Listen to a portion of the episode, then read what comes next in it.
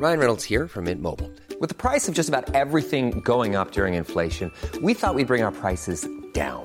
So to help us, we brought in a reverse auctioneer, which is apparently a thing. Mint Mobile unlimited premium wireless. Ready to get 30, 30, bit to get 30, bit to get 20, 20, 20, bit to get 20, 20, bit to get 15, 15, 15, 15 just 15 bucks a month. So, Give it a try at mintmobile.com slash switch. $45 upfront for three months plus taxes and fees. Promo for new customers for limited time. Unlimited more than 40 gigabytes per month. Slows. Full terms at mintmobile.com.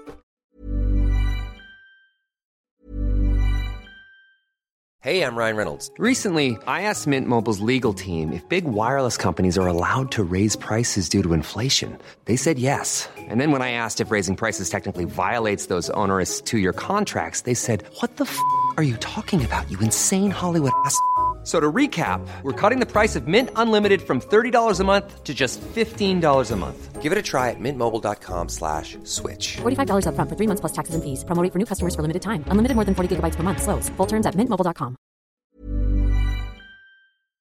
Da har vi akkurat spilt inn en ny episode av Aftenpodden USA, og i dag har vi Kristina, forsøkt å utrope 2022s vinnere og tapere. Mm. Vi er ikke helt enig, egentlig, eh, og det er jo litt sånn omdiskutert hvem som har vunnet og hvem som har tapt. Og det er sikkert noen som kommer til å bli sure for noen av de vi har valgt. Men Ja, de vi var enige om, er jo ah, liksom, at det har vært et bra år for liksom, de vassende kompromissene.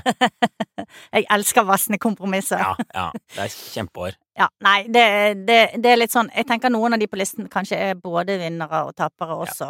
ja. Eh, og kanskje noen av lytterne vil være veldig uenig. Men det finner ikke du ut før du har hørt Nei, nei, episoden. nei. Et forsøk på å oppsummere 2022. Episoden finnes i Aftenposten-appen og hos Podme.